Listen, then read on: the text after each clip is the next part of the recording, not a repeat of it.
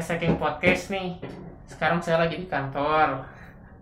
Langsung bareng ngobrol bareng sama HR manajernya nih. Sil- langsung aja nih kenalin. Eh, di sini ada Kang Margian. Oke, halo semuanya Elekesekeng listeners. Eh, sih, nyebutnya apa sih? Apa aja sih oh, bebas. iya, iya, iya. Ya pokoknya pendengar podcast Eleka Sekeng eh, yang di mana pun anda berada sekarang saya lagi bareng sama HR nih. Langsung saya ajak eh, ngobrol aja nih kemarin-kemarin. Karena saya eh, termasuk yang cukup eh, tertarik nih sama bahasan psikologi. Kebetulan kan beliau dari backgroundnya psikologi juga. Dan ada hal menarik sih terkait dengan ketenaga kerjaan dan bisa dilihat dari psikologinya gitu kan Betul. sekarang sekarang ini tuh kan eh, kita eh, udah yang di dalam suatu perusahaan tuh udah mulai ada banyak generasi ya Betul sekali. kalau dulu mungkin generasinya cuman generasi X dan Y saja nah sekarang tuh udah ada generasi Z di dalamnya. Yang Ya. saya rasain ya karena mereka udah mulai lulus kuliah ya mungkin dari tiga atau empat tahun ke belakang udah mulai banyak generasi Z ya generasi Z. Dan itu teh sebenarnya banyak hal yang eh, unik ke dengan kehadiran generasi Z di dalamnya teh. Terutama dengan diiringi dengan era digitalisasi sekarang gitu. Kalau menurut Kamarkin apa sih yang bikin dunia kerja sekarang jadi berbeda nih? Karena dengan, dengan kehadiran generasi Z?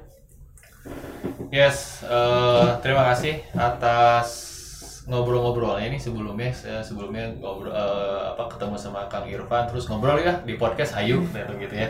Nah, ngobrolin apa sih juga bingung gitu awalnya tapi ternyata ngomongin seputar eh, ke HRD-an gitu ya. Walaupun memang saya backgroundnya dari psikologi tapi secara umum memang nggak akan terlalu dalam dari psikologinya karena dari segi HR-nya mungkin bisa lebih secara teknisnya bisa kita eh, kupas lah ya gitu ya. Nah menarik memang tadi kalau ngobrolin seputar eh, generasi kita sekarang ini di beberapa perusahaan-perusahaan mungkin sudah ada atau instansi juga sudah ada eh, apa namanya layer of generation gitu ya mulai dari masih ada mungkin yang boomersnya masih ada gitu ya. Eh, terus ke X terus ke milenial Kalau boomers berarti udah levelnya level atas banget. levelnya biasanya level advisor biasanya kan. Ah. Eh, jadi tidak ada dalam satu eh, structure Hierarki gitu ya, ya, iya. Eh, cuman kalau misalkan ini tuh ada juga gitu ya. Kalau kita juga kan ada ya cuma tapi nggak nggak daily case ininya cuman untuk beberapa eh, apa tertentu gitu memberikan advice advice nya nah itu di level level beliau nih. Kalau misalkan untuk tatanan industri sekarang gitu ya biasanya seperti itu. Nah masuk lagi ke level X yang eh, di mana level X ini menerjemahkan atau me- menjadi penengah antara kalau masih ada boomersnya dan si millennialsnya atau di bawahnya yaitu eh, Y-nya gitu ya. Nah setelah itu ada lagi eh, Y atau si millennialsnya yang menjadi bahasan eh, dua atau tiga tahun ke belakang menjadi bahasan yang seru gitu ya karena generasi-generasi millennials ini sekarang usianya sudah menginjak ke generasi produktif dan eh sorry ke usia produktif Kita dan kan, matang Kita ya dan milenial. matang jadi sudah ada di eh, level middle management kalau Hmm. di eh, beberapa perusahaan Hmm. gitu jadi usianya mungkin usia 28 kali ya sampai Hmm. dengan 35 gitu ya di perusahaan-perusahaan tertentu ada yang usia 25 itu sudah sampai ke level uh, middle Iya. management gitu ya manager gitu ya atau supervisor up gitu Bahkan ke zaman sekarang mah udah ada tuh yang umur segitu teh udah jadi CEO tuh ya. Ya Iya. pernah bikin startup ya. Ya karena di startup gitu ya. Tapi eh, semuanya juga punya kriteria masing-masing Hmm. lah ya gitu ya. Cuman untuk usia-usia eh, apa namanya millennials itu sekarang sudah menjadi menduduki beberapa eh, middle management Hmm. gitu ya. Jadi kritikalnya di situ. Apakah dengan usia yang bisa dibilang eh, masih baru belum begitu eh, matang gitu ya secara eh, apa namanya usia gitu ya, secara pengalaman juga sudah menduduki level-level tersebut makanya banyak dibahas nih Hmm. gitu ya Tapi kalau dulu kayak gimana sih? Ya misalkan pernah dengar cerita tentang eh, struktur organisasi di zaman sebelum ada zaman milenial, apakah dulu generasi X eh, yang di atas kita di umur-umur segitu teh udah ada yang jadi mid management atau sebenarnya mah mulai milenial tuh udah mulai arahnya udah ke sana. Gimana tuh? Kalau yang saya ketahui sebetulnya dari dulu juga udah ada ya, gitu ya. Cuman mungkin tidak terlalu se eh, heboh sekarang beritanya gitu ya karena dari segi keterbukaan info- informasi sekarang sudah lebih terbuka Hmm. gitu ya terus eh, melek juga teknologi kan banyak Iya. eh, informasi yang kita dapatkan dari berbagai macam media yang didukung oleh teknologi-teknologi gitu ya. Nah dari situ gitu ya. Dan dari situ juga jadinya eh, proses komparasi jadi semakin gampang Hmm. gitu ya. Dulu itu X itu seperti ini sebetulnya gitu ya. Eh, sama seperti milenial sekarang gitu ya. Hanya saja eh, dari segi eh, pengalaman dan informasinya ya tidak seterbuka sekarang Hmm. gitu ya. Nah kalau sekarang itu milenial itu banyak diangkat karena prosesnya atau dari segi usianya yang eh, masih dikatakan baru mau matang gitu ya dewasa dewasa awal gitu. Nah eh, sudah menduduki eh, jabatan-jabatan middle management gitu ya. Padahal di, dulu juga sama seperti Hmm. itu gitu ya. Nah bahasannya itu eh, lebih apakah mumpuni atau enggak gitu ya. Hmm. Terus dengan eh, eh, adanya kemajuan teknologi banyak berpengaruh terhadap eh, sikap kerjanya juga Iya, gitu ya. betul, seperti seperti yang kita ketahui bahwa millennials itu katanya eh, ber- ber- ber- bertahan di suatu perusahaan paling lama itu 2 sampai tiga tahun kan Hmm. pindah lagi pindah lagi bisa di, eh, ada yang nyebutnya kutu loncat atau Hmm. gitu tapi kalau misalkan saya ngobrol dengan teman-teman saya yang jadi atasan saya dulu yang Hmm. generasinya di atas berarti generasi X ya mereka juga melakukan itu sebetulnya Iya. gitu ya cuman eh, dulu mungkin portal job portal tidak seperti sekarang Oh, iya, bukanya gitu ya. Jadi kalau Informasi Uh, lokernya lebih kencang. lokernya lebih kencang dulu mungkin untuk apply loker tertentu itu harus by eh, apa paper datang ke perusahaannya gitu. Iya benar. sekarang kan sambil tiduran di rumah bisa apply gitu ya. Sekarang bisa pasif juga malah. Kalau misalkan di LinkedIn kita ini bisa orang-orang bisa nyari sendiri betul. Malah. sekarang dengan ketersediaan inform eh, teknologi headhunter juga semakin gampang. Jadi sebetulnya headhunter itu nggak semakin gencar sih semakin gampang sebetulnya Hmm. dari dulu memang pekerjaannya seperti itu gitu ya Hmm. mencari talent talent di eh, apa namanya di posisi-posisi tertentu gitu ya cuman dengan pendekatan teknologi sepertinya si headhunter tuh gencor gitu yang cari talent tapi sebetulnya ya memang karena kemudahan teknologi itu sama halnya dengan kita eh, apa namanya ketika ada platform baru TikTok misalkan ya Hmm. sebelum dari Instagram TikTok gencar banget sekarang ya memang sekarang udah zaman ke situ mungkin Iya, ya nah iya, itu betul, sih betul. gitu. Ya terus itu untuk menariknya si millennials ya Hmm. gitu ya. Nah terus eh, yang uniknya lagi di beberapa perusahaan juga sekarang sudah ada yang generasi yang baru nih Hmm. generasi Z Ah iya. gitu.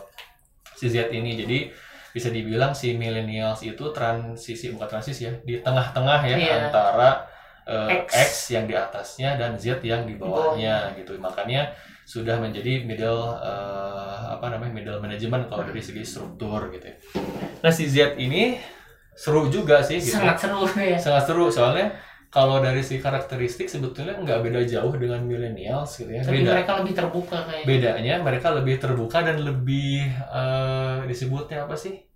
Kalau dari segi itu lebih sorry to say lebih manner gitu. Kalau menurut saya lihatnya ya, Lebih manner. lebih manner. Jadi Oh, gitu. Iya, jadi kalau si si Z itu kalau saya lihat ya bukan berarti uh, millennials tidak manner atau di Hmm. atasnya nggak manner ya, Hmm. cuman levelnya ini tuh lebih tinggi karena mereka itu melihat em, informasi yang sekarang eh, berseliweran itu menjadinya mereka sudah tahu bahwa oh ini informasi yang dapat dicerna, oh ini yang nggak dapat dicerna. Oh dari ini dari segi situnya ya. betul, ini informasi mana yang hoax, mana informasi yang eh, betul-betul gitu ya Karena udah udah tahu karena ya. betul karena mereka juga ketika dapat informasi mereka itu tidak langsung Share. share kalau bahasa sekarang gitu ya Iya.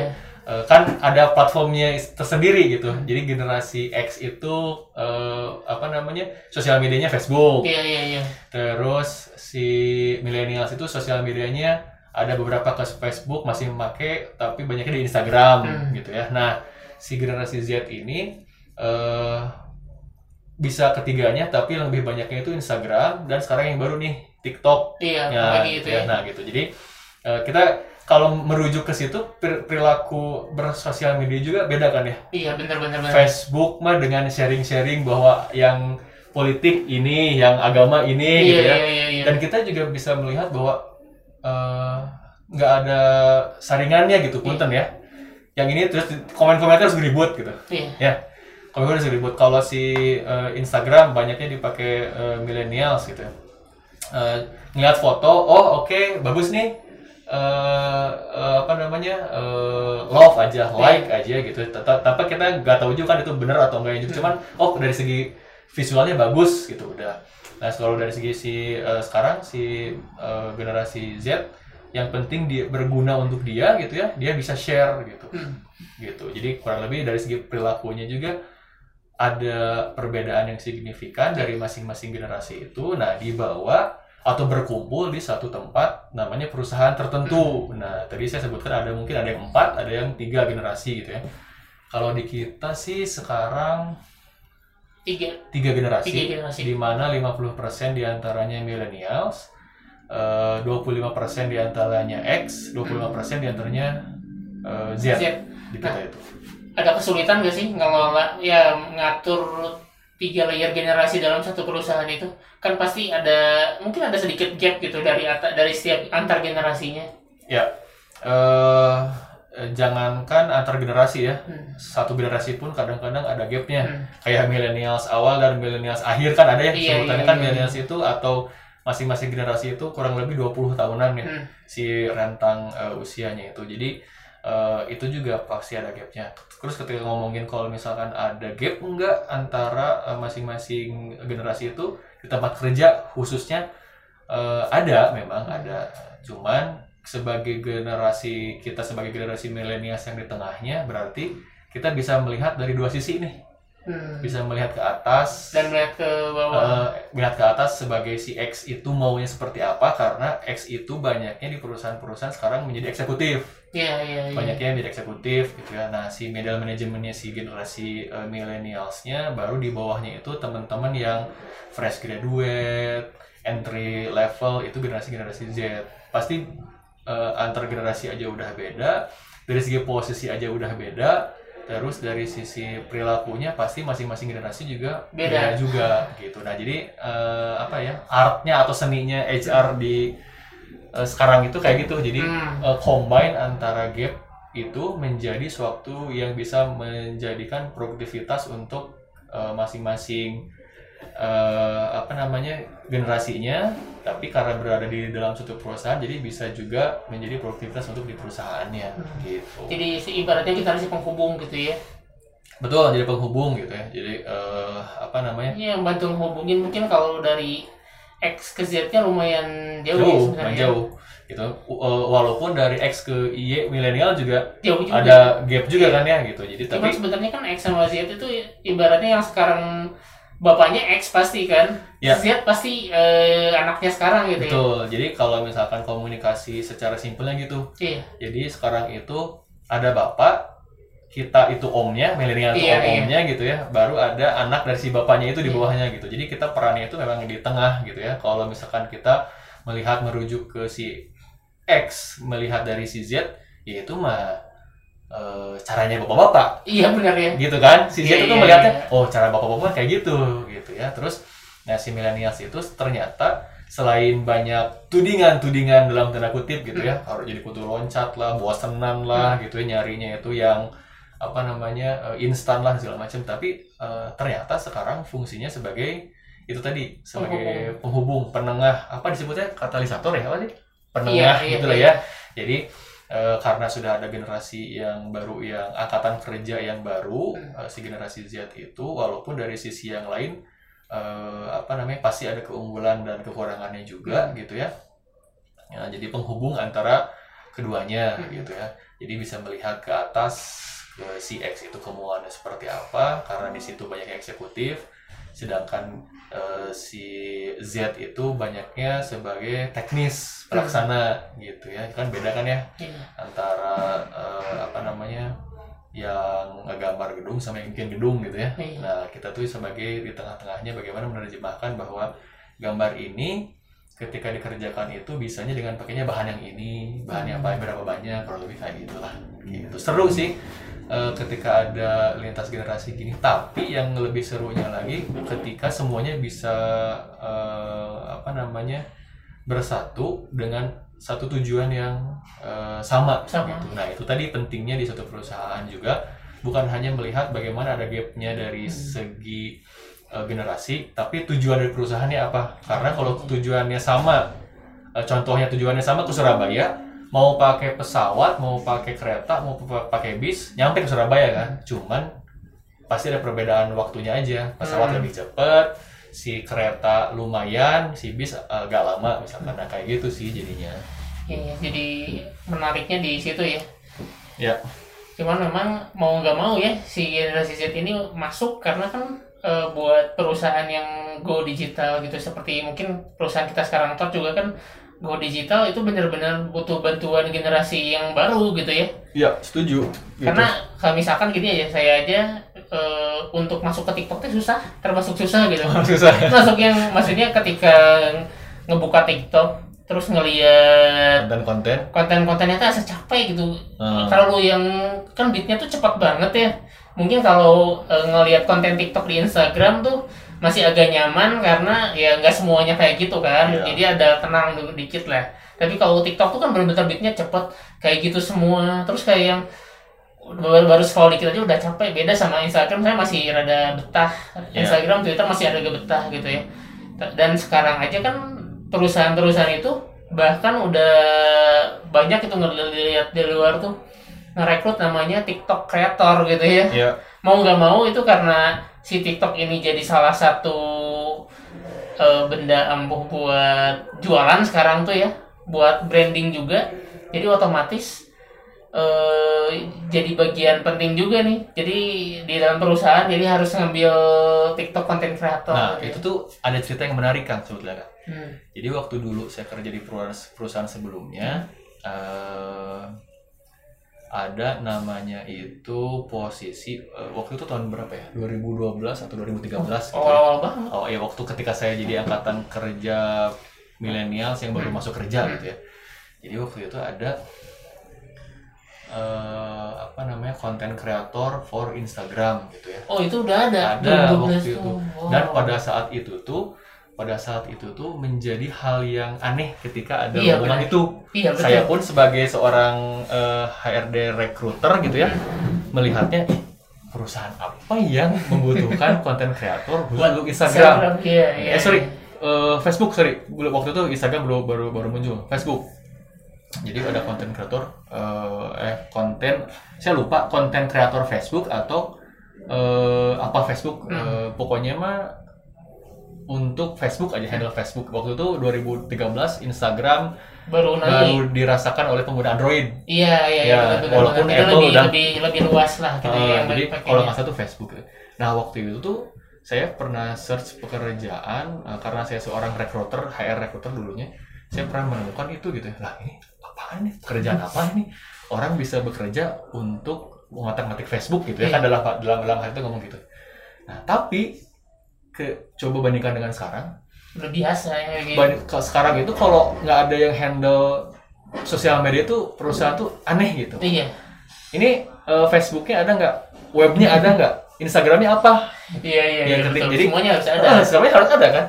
Jadi waktu dulu ketika kita lihat eh, ngelamar pekerjaan kita pasti lihat webnya gitu ya. Hmm. di sana dipampang eh, kalau misalkan punya lahan-lahan yang luas punya kantor-kantornya yang tinggi misalkan gitu ya di web gitu ya. nah sekarang-sekarang ini itu masih diperlukan juga Hmm. tapi lebih pendekatan yang eh, lebih apa ya lebih soft lebih soft dan eh, lebih bisa dibilang lebih friendly lebih, kali ya lebih diterima juga lebih terima jadi kalau misalkan kita eh, saya coba Hmm. tanya dan pengalaman saya juga kalau misalkan kita search pekerjaan kita yang dibukanya web atau Instagram dulu Hmm. kalau kan kalau saya Instagram Instagram kan Hmm. ya baru kita lihat oh dia udah punya webnya Iya. Instagramnya kira-kira di Instagramnya banyak yang memperlihatkan gedung gede, lahan gede atau aktivitas-aktivitas kita berselama ke kantor, eh, berkomunikasi atau Banyak. seperti apa? banyaknya Yang- malah eh, lihat produknya dulu Ya. karena masih jarang tuh si Instagram yang memperlihatkan aktivitas kantornya Ya, nah baru-baru saya baru lihat di kantor justru Oh di kantor sih, oke. Jadi kita juga punya akun Instagram kantor, boleh di follow.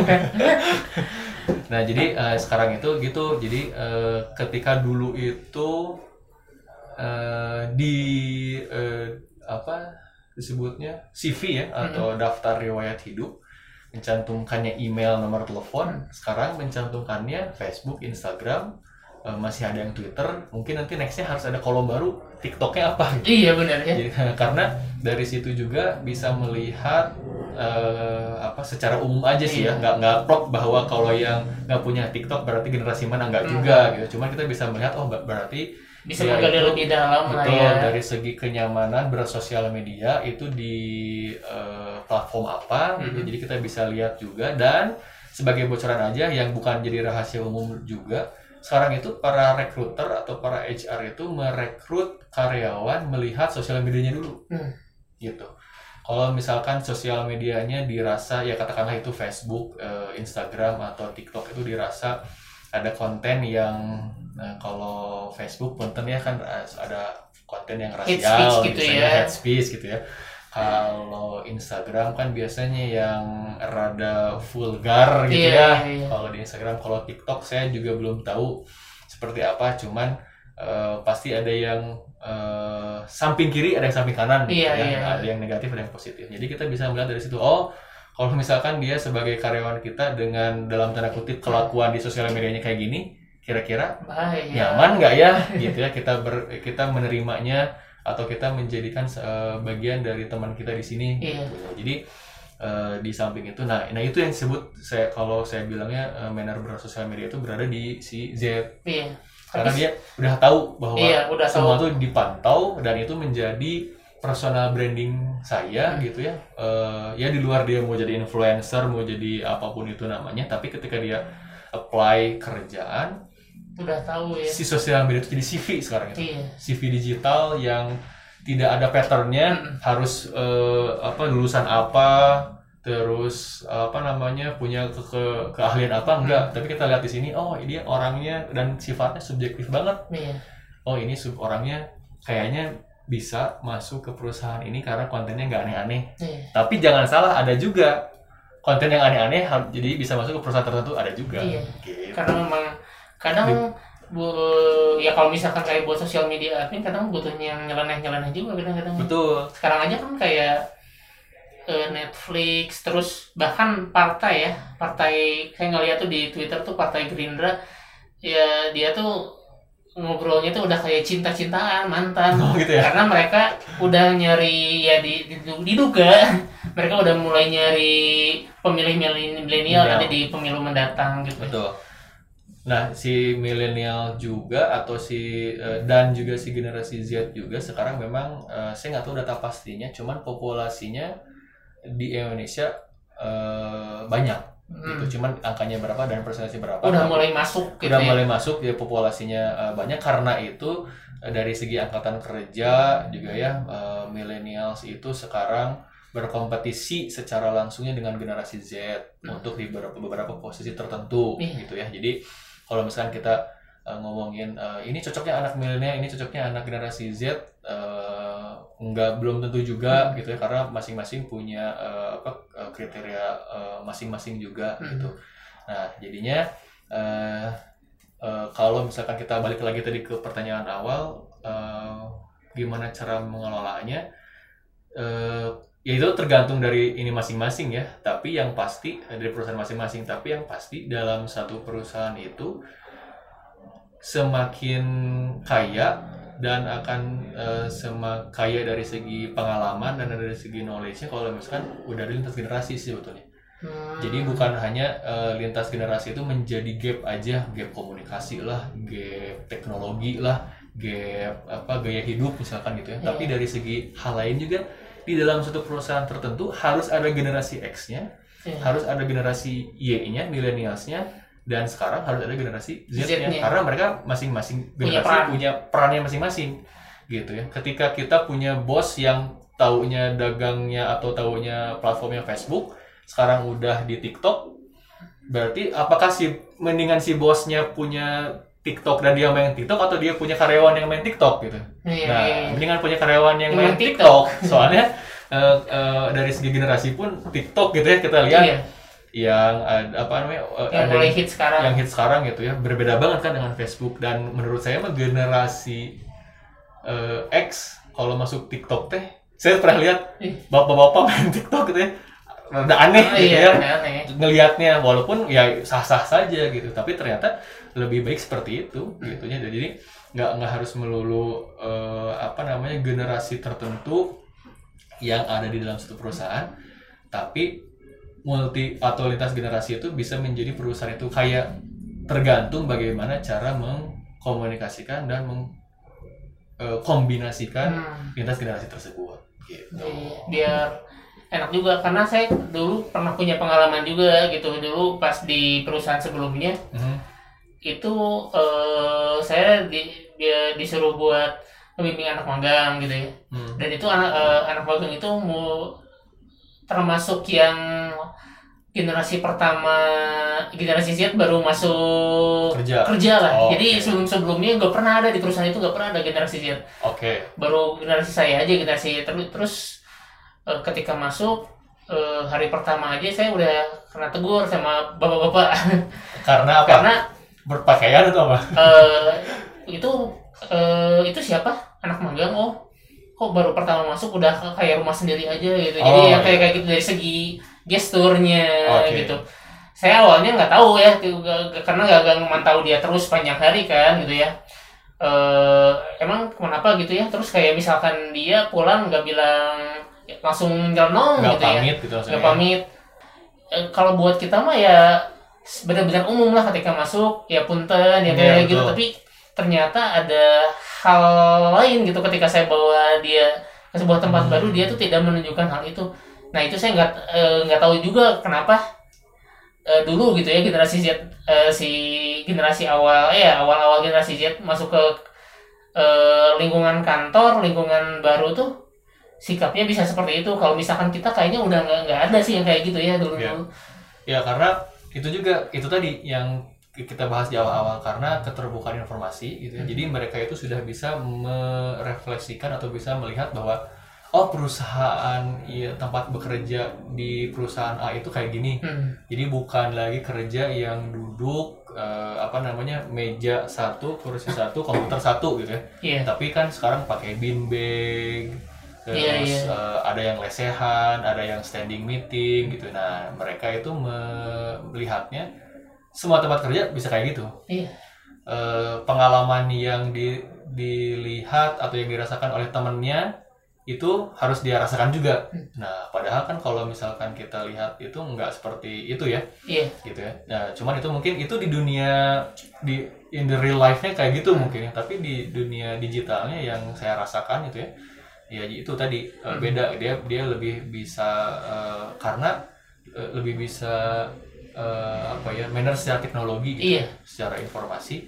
Karena memang mereka itu lahir setelah informasi Udah ada sosmed. keterbukaan itu sudah ada gitu ya. dan mulai tumbuh saat sosmednya ada juga Iya. gitu ya. baru eh, apa namanya ada yang usia Facebook sama usia anak Z mungkin sama gitu sekarang Hmm. gitu ya usia Facebook kan di, dari tahun 2004. 2004 ya Iya. itu usia Cuman Facebook di Indonesia 2007 2008 2008 lah. nah, nah gitu jadi mungkin sama ada yang lahir 2004 jadi Facebook lahir Sekarang dia udah juga lahir udah mulai remaja kali. iya udah remaja Udah mulai mau masuk udah ke dunia kerja dan atau kuliah gitu ya betul sekarang. jadi kan dunia dunia kerja itu ada macam-macam ada yang lulus SMA, SMA, SMA ya. atau SMK berarti usia 17 18 Hmm.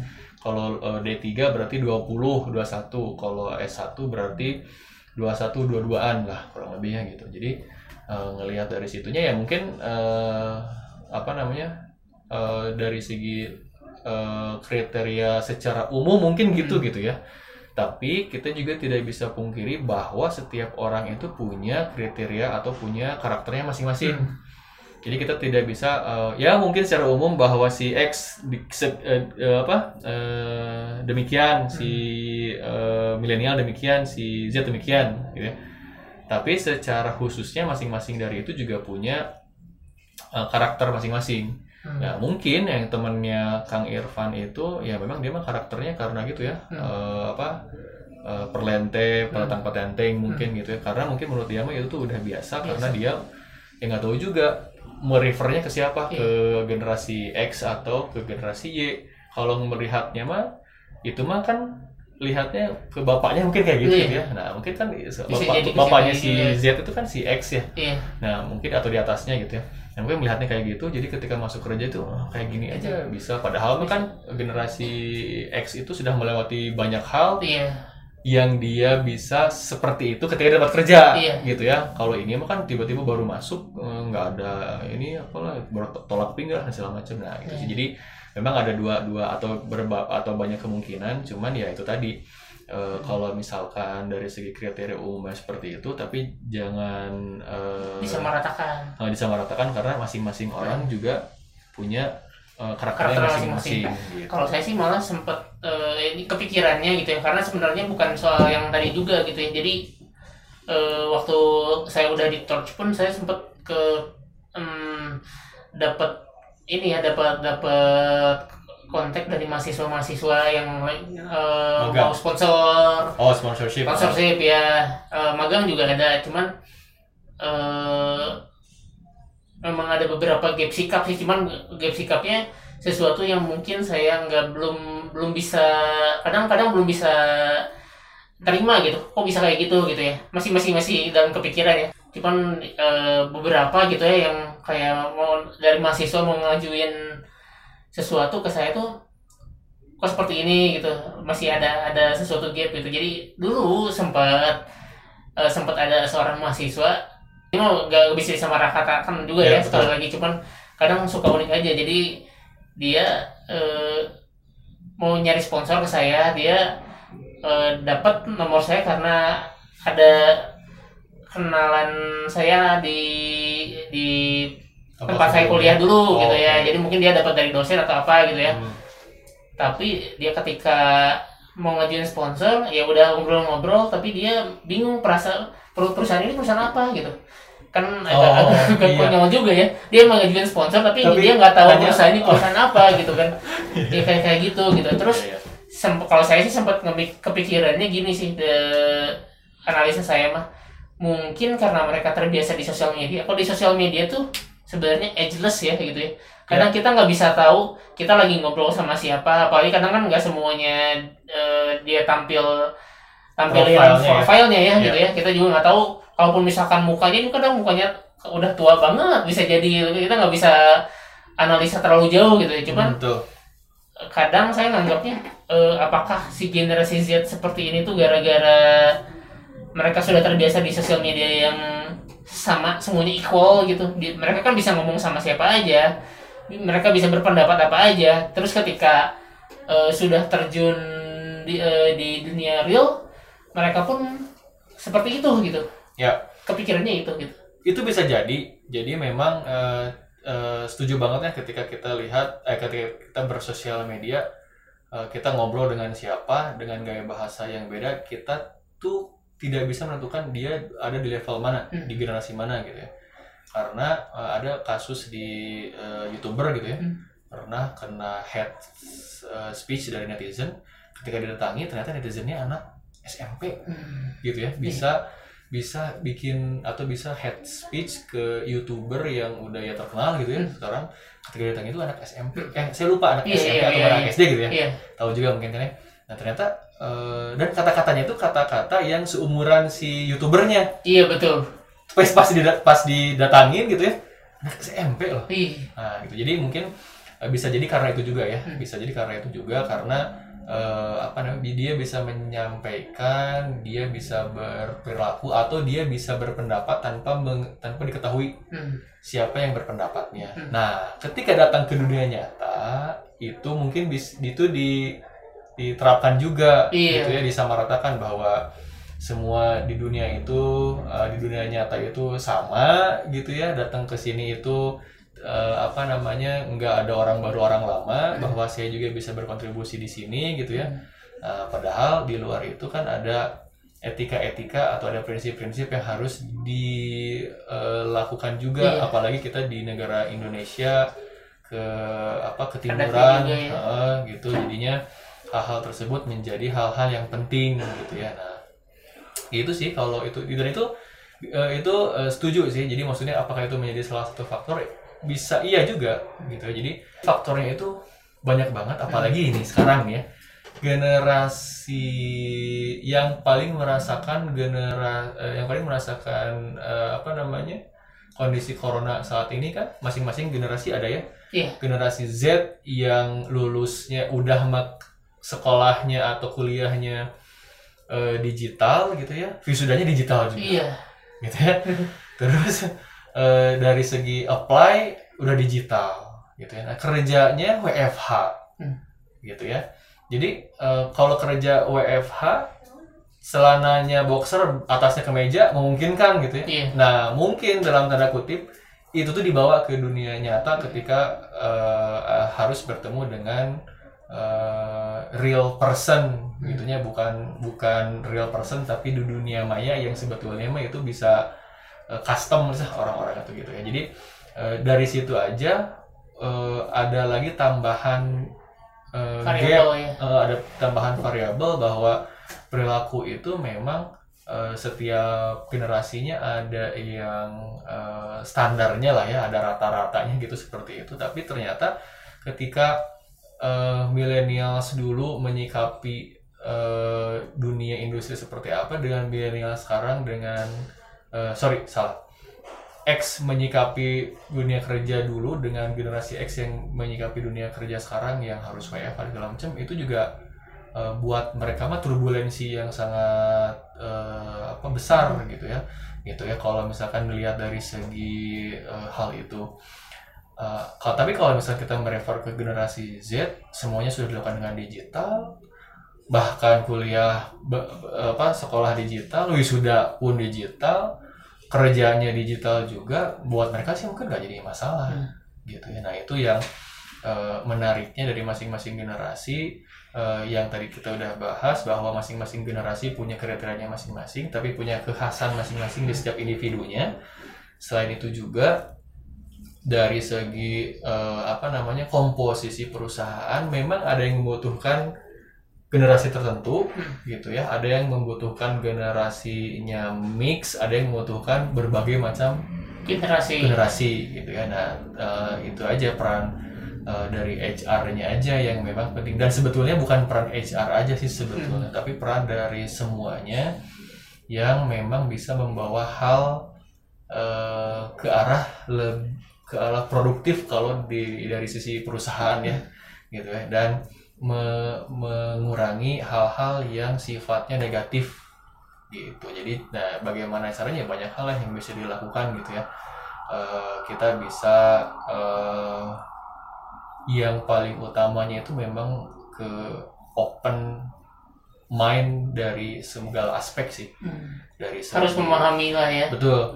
Dari segi cara sikap kerja cara berkomunikasi. Jadi tapi bukan hanya satu generasi ya. Iya yang harus open mind itu gitu ya walaupun setiap generasi punya pride-nya sendiri gitu ya Hmm. si generasi ini pride-nya apa si generasi milenial pride-nya apa si Z pride-nya apa tapi ketika di satu eh, tempat tertentu gitu ya agar terjadi circle Hmm. gitu ya harus yang pertama itu di, diingatkan dibukakan diinformasikan bahwa eh, keterbukaan dari segala aspek itu menjadi hal yang utama gitu ya. Itu yang salah satu yang eh, ya sudah dilakukan juga di eh, Tors ini. Jadinya ketika kita ngobrol dengan lintas generasi itu kita tuh oh iya kita tahu bahwa mungkin pengalaman dari segi pengalaman sudah berbeda dari segi eh, penyelesaian masalah berbeda. Jadinya oke saya memaklumi kamu berpendapat seperti itu atau berpendapat seperti itu tapi kaidahnya di sini seperti ini. Nah itu yang pertama itu open mind-nya dulu yang kedua itu baru eh, apa namanya eh, rekomendasinya. Hmm. oh jadi kayak gini ya kalau di sini tuh kayak gini ya. Memahami dulu ya betul memahami dulu baru kita eh, sama-sama oh kita udah ada eh, kayak apa gini namanya nih udah ada apa ya istilahnya kamusnya kali ya. Eh, eh, oke cara kamu berpikir seperti itu cara kamu bertindak seperti itu gitu ya. Cara yang lain juga seperti apa tapi kita punya acuannya nih Hmm. acuannya di sini seperti ini karena goalsnya adalah ke sana gitu ya. Jadi mau pakai cara yang mana selama goalsnya oke dan bisa diterima semuanya gitu ya oleh masing-masing generasi katakanlah seperti itu. Kalau ngomongin generasi eh, kalau di perusahaan ada lagi masing-masing departemen gitu ya eh, yang di setiap departemennya juga ada generasinya juga gitu ya. Nah itu bisa ada ada guidance-nya yang bisa menuju ke suatu tujuan dari segi tempat kerja itu ya mau lintas generasi kayak mau hanya satu generasi kayak kalau itunya udah ada sih nggak jadi masalah sih harusnya. Iya, harus bisa disinergikannya dari situ ya. Ah setuju bahasanya disinergikannya di situ tapi lebih eh, apa yang diawalinya lebih ke keterbukaan dan dari si komunikasi. Iya memahami dulu jadi jangan langsung. Iya. "Ah, kenapa gini gini gini gini, gini." Uh, karena karena masing-masing uh, yang tadi kita udah ngomongin masing-masing dari uh, generasi dan da- dari uh, orang itu punya karakternya masing-masing. Hmm. Jadi cara menyampaikannya pun uh, dia itu mengolah informasinya dari berbagai macam variabel-variabel tertentu, tertentu kan ya gitu. Kalau masuk ke aspek psikologi mah ya dari ya internal dan eksternalnya. jadi tetap jadi dari eh, teman-teman generasi Z yang baru masuk kerja pun ya harus harus bisa kita kasih beri pah kita, kita kasih paham lah gitu ya Betul. berikan pemahaman eh, bahwa ya kondisi di perusahaan tuh ya nggak bisa eh, nggak bisa seenaknya juga gitu ya Ya, ya jadi kecuali tetap harus ada ada itunya gitu Ya ada ada guidance-nya ya. Ya kecuali kalau misalkan si generasi Z ini yang punya perusahaan ya, iya beda lagi. Setahu saya tuh gitu. Kalau misalkan eh, semakin muda generasi dan dia yang menjadi eksekutif, biasanya dia itu merekrut generasi- generasi yang sama iya betul betul gitu. Biasanya gitu. Cuman eh, ya nggak nggak salah juga Hmm. gitu karena masing-masing punya kepentingannya masing-masing gitu, punya tujuannya masing-masing sorry gitu ya. Tapi kalaupun misalkan ada lintas generasi dan itu ternyata membuka eh, cakrawala baru dan eh, kalau kalau kita membahasakannya kita itu punya gunung yang beda-beda gitu ya. Hmm. Kalau si ini lah gunungnya di sini, jadi point of view-nya ya sekitaran situ aja. iya pasti Tapi kalau misalkan si generasi lain punya eh, pengalaman, katakanlah itu pengalaman itu gunungnya, berarti di atasnya point of view-nya juga beda-beda kan. iya iya Semakin tinggi biasanya point of view-nya semakin luas, Iya. gitu. Jadi eh, apa namanya? Kalau sudah masuk ke dunia kerja ataupun di eh, apa namanya tempat umum di masyarakat umum gitu ya, lintas generasi itu sebetulnya sebagai suatu eh, apa ya? oh, iya, lumrah. Hal yang memberikan kita sesuatu hal yang baik sebetulnya gitu ya. Kita eh, membuka pandangan lebih membuka luas. pandangan lebih luas bisa menghar bisa menghormati ke atas bisa meng, eh, apa namanya meng- eh, menghargai ke atas dan kita bisa mengetahui ke bawah. Iya.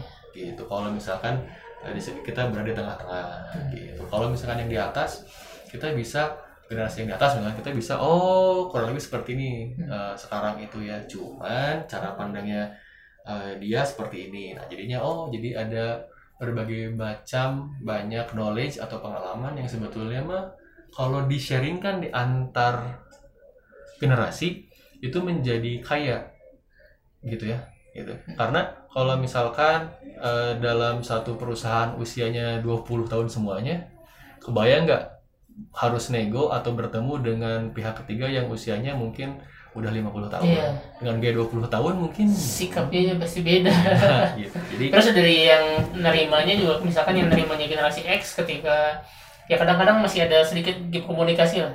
Mhm, makanya kan kan kadang gitu ya di permasalahan keluarga juga suka ada suka ada aja ya gitu permasalahan antara, Antara orang anak, tua dan anak. Iya karena ada gap gitu ya. Betul setuju gitu. Dan cara menyelesaikan atau cara memulai gapnya juga beda-beda kan ya. Iya. Generasi X mungkin bertemu ngopi Iya. gitu ya ngobrol santai ada bahasan lain dulu baru merujuk ke bahasan utama. Generasi milenial lebih casual ketemu di tempat tertentu atau mungkin bisa secara digital Hmm. gitu ya. Generasi Z apalagi sekarang lagi heboh hebohnya pandemi kalau bisa digital digital aja deh. Iya. Gitu. Jadinya eh dari sisi komunikasinya mereka itu lebih nyaman di eh, area-area digital. Gitu. Gitu sih kurang lebih. Iya sih udah mulai dari eh, dari gimana dari kitanya aja ya buat adaptasi ya. Betul. Karena kerasa mungkin ya kita juga ya tidak dipungkiri ya saya sendiri dulu pas zaman sosial media ya baru mulai ya pasti ada status-status yang gak bagus juga ada. Betul. Cuman makin lama makin menyesuaikan. Saya juga sekarang kalau ngelihat ada ada apa ya sebuah pembicaraan sebuah debat di Twitter ataupun Instagram. Saya juga udah bisa ngeliat ini paling anak-anak. Iya. Paling kalau nggak anak-anak ya ini justru orang dewasa yang punya kepentingan ya kayak gitulah Iya. gitu ya. Jadi orang dewasa mu- mungkin yang sebelumnya nggak punya kekuatan buat berbicara sekarang punya kekuatan berbicara jadinya ngomong juga kadang seenaknya juga gitu ya. Iya. cuman ya gimana ya gitu gimana kita adaptasinya gitu dan dulu juga memang saya sekitar tahun 2015 juga udah sempet bikin blog tentang itu tentang dulu pas tahun 2010 saya lulus nggak ada tuh namanya jabatan digital marketing. Sekarang? Sekarang wah, udah, udah, udah biasa banget harus ya harus harus digital harus ada harus ya. ada harus ada Oh. digital marketing udah jadi sebuah keharusan. Dan itu eh, kalau buat saya juga sebenarnya kan dulu nggak punya bekal digital marketing Oh, ya. iya, sama sekali ketika 2010 itu keluar eh ya udah kalau nggak marketing back office cuman gitu. Back office pun ya lebih ke arahnya admin data gitu ya mengolah data. Tapi nggak nggak kepikiran tuh. Dulu saya kalau misalkan main Facebook di tengah pekerjaan dimarahin. Tapi Hmm. sekarang kalau kemarin waktu saya di Markom justru kerjaan saya main Facebook. Di saat-saat bekerja gitu itu kan perbedaannya. Dari itu ya ya nggak tahu lah. Mungkin bersyukur juga saya jadi generasi milenial juga jadi yang bisa adapt juga gitu. Karena nggak walaupun nggak semua teman yang bisa itu ya. Hmm. jadi karena eh, kalau saya ngerasa eh, arah arah si dunia ini udah udah arah ke sana gitu. Jadi makanya saya nyoba membekali diri sama hal-hal itu. Soalnya ada juga teman yang karena dari awal kerjanya udah bareng sama generasi X terus generasi pekerjaannya yang yang bisa dibilang konvensional. Ketika ya dia dapat musibah pan- di saat pandemi gitu ya. Oke. kemarin ya ya dia nggak bisa terus kerjanya. Bingung gitu. Ya.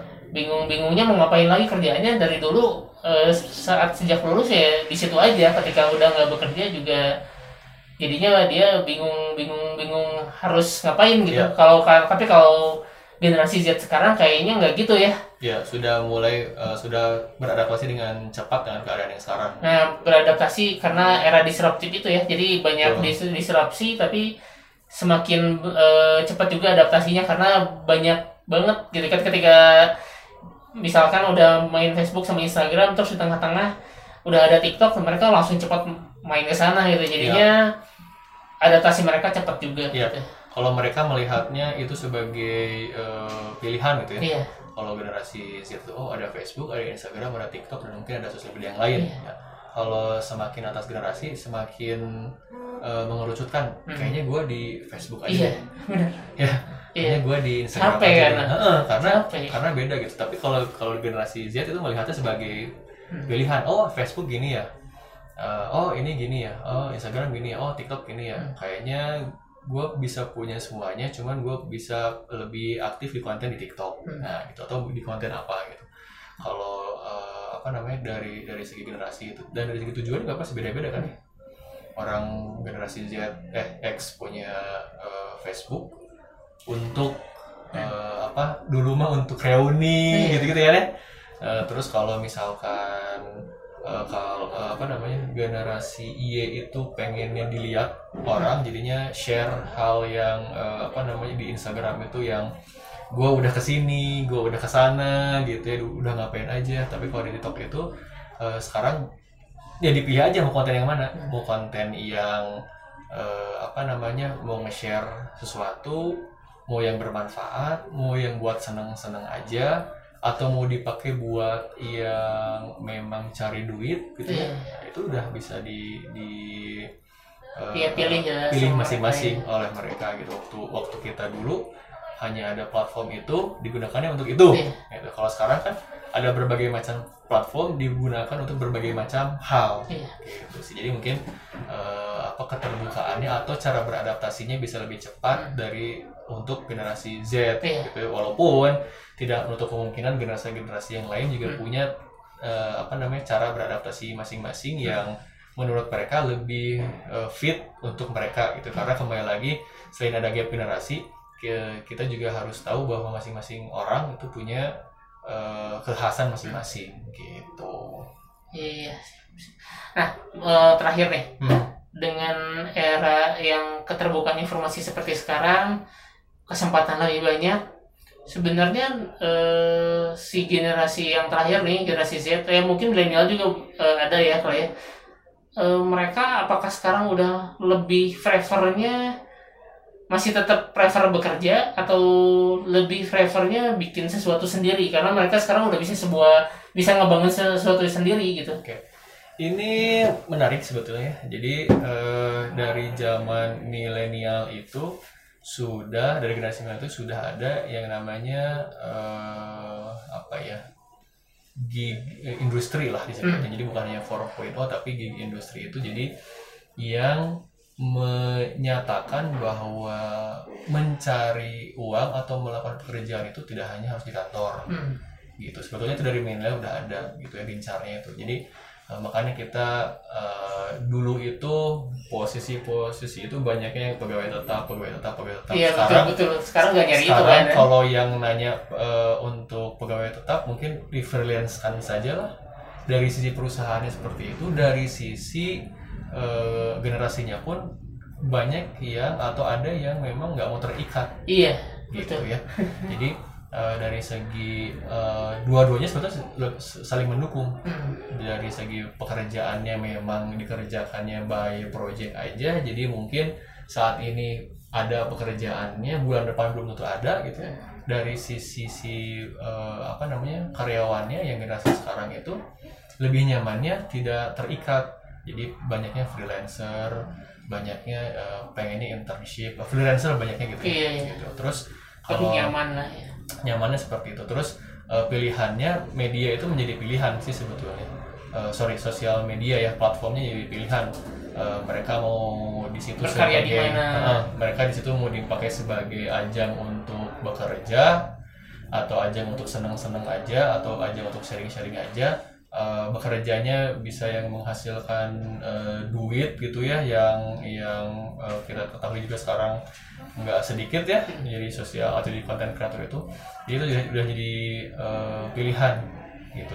Di luar eh, eh ditambah lagi dengan eh, perusahaannya yang sekarang juga eh, semakin hari itu posisinya semakin spesifik dan hanya untuk eh, jangka pendek jangka pendek aja Hmm. pekerjaannya gitu. Tapi kalau misalkan kayak gitu dari mereka pilihan misalkan mengambil eh, jurusan berkuliah jadinya apakah jadi spesifik misalkan jadi lebih banyak ke DKV doang Hmm, atau yang lainnya masih tetap diminati sih sebenarnya eh, karena sosial media ya karena sosial media eh, lebih banyak mem- pakainya DKV oke. Informatika gitu Ya, eh, sebetulnya kalau ngelihat kalau itu eh, mengacu ke area industri, semua itu eh, ada ininya ya, ada eh, apa keunggulannya. Jadi kalau misalkan di area industri yang ini eh, eh, selain itu juga di- disesuaikan dengan kondisi negaranya kayak dulu Indonesia. Waktu waktu zamannya bapak pembangunan banyaknya kan masuk ke sipil gitu ya. Terus ketika masuk ketika ada internet ketika ada komputer eh, information teknologi gitu ya. Terus sekarang dengan eh, apa namanya banyaknya platform sosial media yang diminatinya eh, DKV eh, apa komunikasi dan segala macam yang menyesuaikan lah ya. itu menyesuaikan. Tapi eh, kalau misalkan eh, dilihat dari eh, dunianya saat ini sebetulnya bukan hanya background pendidikan tapi kemampuan dari masing-masing individu itu Iya. sendiri gitu jadi nggak harus da- punya background pendidikan seperti itu tapi ketika Ah. dia misalkan punya skill yang kelihatan di situ juga kelihatan eh, itu juga bisa masuk juga jadi kalau tapi tapi trennya memang ada ya Iya. kalau misalkan tadi pertanyaannya apakah ada tren di suatu jurusan tertentu saat ini ada Hmm. gitu ya ada dulu eh, ketika pembangunan itu harus mengelola keuangan eh, finance accounting ekonomi itu naik juga Iya, benar, gitu ya. benar. Gitu terus teknik sipil eh, apalagi Arsitektur. arsitektur itu gitu. itu naik juga gitu ya nah terus sekarang dengan areanya keterbukaan informasi apakah eh, orang-orang EDKV eh, naik juga Ya, mungkin gitu ya terus ada lagi yang information teknologi kayak developer-developer gitu ya itu naik juga banyak minatnya banyak juga gitu ya tapi ketika kembali lagi ketika masuk ke eh, eh, industri atau pekerjaan yang dilihatnya akhirnya bukan hanya pendidikan bahwa pendidikan penting tapi ternyata ada yang lebih penting yaitu kemampuan yang diperlukan Eh, apakah fit atau tidak dengan pekerjaan saat ini atau apakah fit atau tidak juga betul ya. apakah fit atau tidak dengan apa yang eh, dimau oleh eh, dunia saat ini sekarang Iya. ketika kita tanya apa yang dimau dunia saat ini banyak kan ya? Iya, banyak. apa yang ininya? Masuknya ke jalur mana? Ke Iya. jalur kreatif ke jalur industri ke jalur apa gitu? Masing-masing punya ininya sendiri. Gitu. Nah sama. Nah kurang lebih seperti itu. Jadi eh, trennya pasti ada tapi balik lagi ke skillnya masing-masing Eh, karena ini gambaran aja saya baru merekrut seorang digital strategis dengan backgroundnya sekolahnya psikologi Hmm, gitu barusan hari ini iya. gitu ya Oh, terus yang itu ya? Ya, eh, terus eh, apa namanya? eh, apakah itu menjadi suatu gap? Ya variabelnya banyak. Hmm. Eh, kenapa kita bisa hire orang tersebut atau kandidat tersebut ya karena variabelnya banyak gitu ya. Apakah diperlukan suatu eh, knowledge tertentu di masa perkuliahan? Tentu Hmm. gitu ya. Tapi ketika itu eh, kita nerimanya yang belajar teori atau yang udah siap di lapangan Iya. Yang Siap di siap di lapangan. dengan berbagai macam variabelnya Iya. ada yang pengalamannya sekian tahun, ada yang pengalamannya handle A, handle B, handle C, walaupun backgroundnya beda Hmm. gitu ya. Nah, gitu sih. Cuman jadinya jadi dia punya sesuatu yang ekstra ya ketika dia udah punya background psikologi, dia punya kemampuan digital marketing. digital marketing juga itu jadinya eh, jadi lebih luas gitu ya. Kar- karena untuk saat ini memang eh, dunianya me- mengharuskan seperti itu sih. Iya, betul ya. Nah, jadi background kita apa? Kalau misalkan mau searah dengan background kita, background pendidikannya, ya nggak jadi masalah. Iya. Tapi kalau misalkan background kita A eh, dan kita bekerja di eh, atau berkecimpung lah ya kan banyak ya ada yang menjadi entrepreneur segala macam ternyata di dunia B dan itu bisa menjadi memperkaya juga itu tidak tidak menjadi masalah juga yang Iya. penting eh, sekarang meramu antara eh, dunia eh, sorry meramu antara yang pertama itu adat ketimuran Hmm. eh, di Indonesia dengan orang-orang yang berbagai macam generasi, baik itu secara online dan secara offline di kondisi pandemi. Hmm. Gitu. Jadi ada lima kriteria yang sebetulnya eh, kalau di satu eh, padukan kita bisa mengolahnya. Kita mau masuk ke mana aja, kalau dia acuannya pekerjaan jadi duit, jadi duit. Nah, ya, Kalau dia acuannya pekerjaannya atau dia keinginannya jadi konten, jadi konten. Kalau dia eh, mengacunya menjadi tambahan wawasan, menjadi tambahan wawasan. Gitu kurang lebih. Iya, benar. Oke deh, nggak sengaja, eh, nggak ini ya, nggak Kerasa, kerasa. berapa lama kita? 20 menit ini? Oh, boro-boro ini hampir satu jam. Wah. Ini rekor podcast terlama. Karena Wah. belum, belum pernah belum pernah hampir 50 menit. Wah, Lama 49 menit. mudah-mudahan Jadi- nggak bosen dengerinnya udah satu jam Iya. nih ternyata. Ya, dan ini juga sebenarnya masih banyak yang bisa digali, cuma nanti di split aja lah kali ya di sesi-sesi lainnya lagi. Siap. Nah, jadi- gitu. Eh buat teman-teman milenial generasi Z eh, untuk sekarang tuh banyak hal yang bisa digali ya kita yang yang penting kitanya harus adaptasi dan ketika masuk ke sebuah perusahaan kita juga harus bersinergi dengan perusahaan tersebut bersinergi juga dengan eh, generasi-generasi di atasnya gitu ya agar eh, tetap maju juga ya dari eh, teman-teman pekerjanya maju ya, tapi dari, dari perusahaannya juga bisa selaras juga gitu Ya. ya ikut maju juga. Oke deh, gitu aja Oke, eh, teman-teman sip. pendengar Elekes Sekeng. Ini saya jadi eh, panggil pendengar Elekes Sekeng juga nih. Oke. Makasih udah yang udah ngedengerin sampai satu jam. Terima kasih. Terima kasih dan sampai jumpa di episode Elekes Sekeng podcast berikutnya. Bye bye. Sampai jumpa. Bye bye.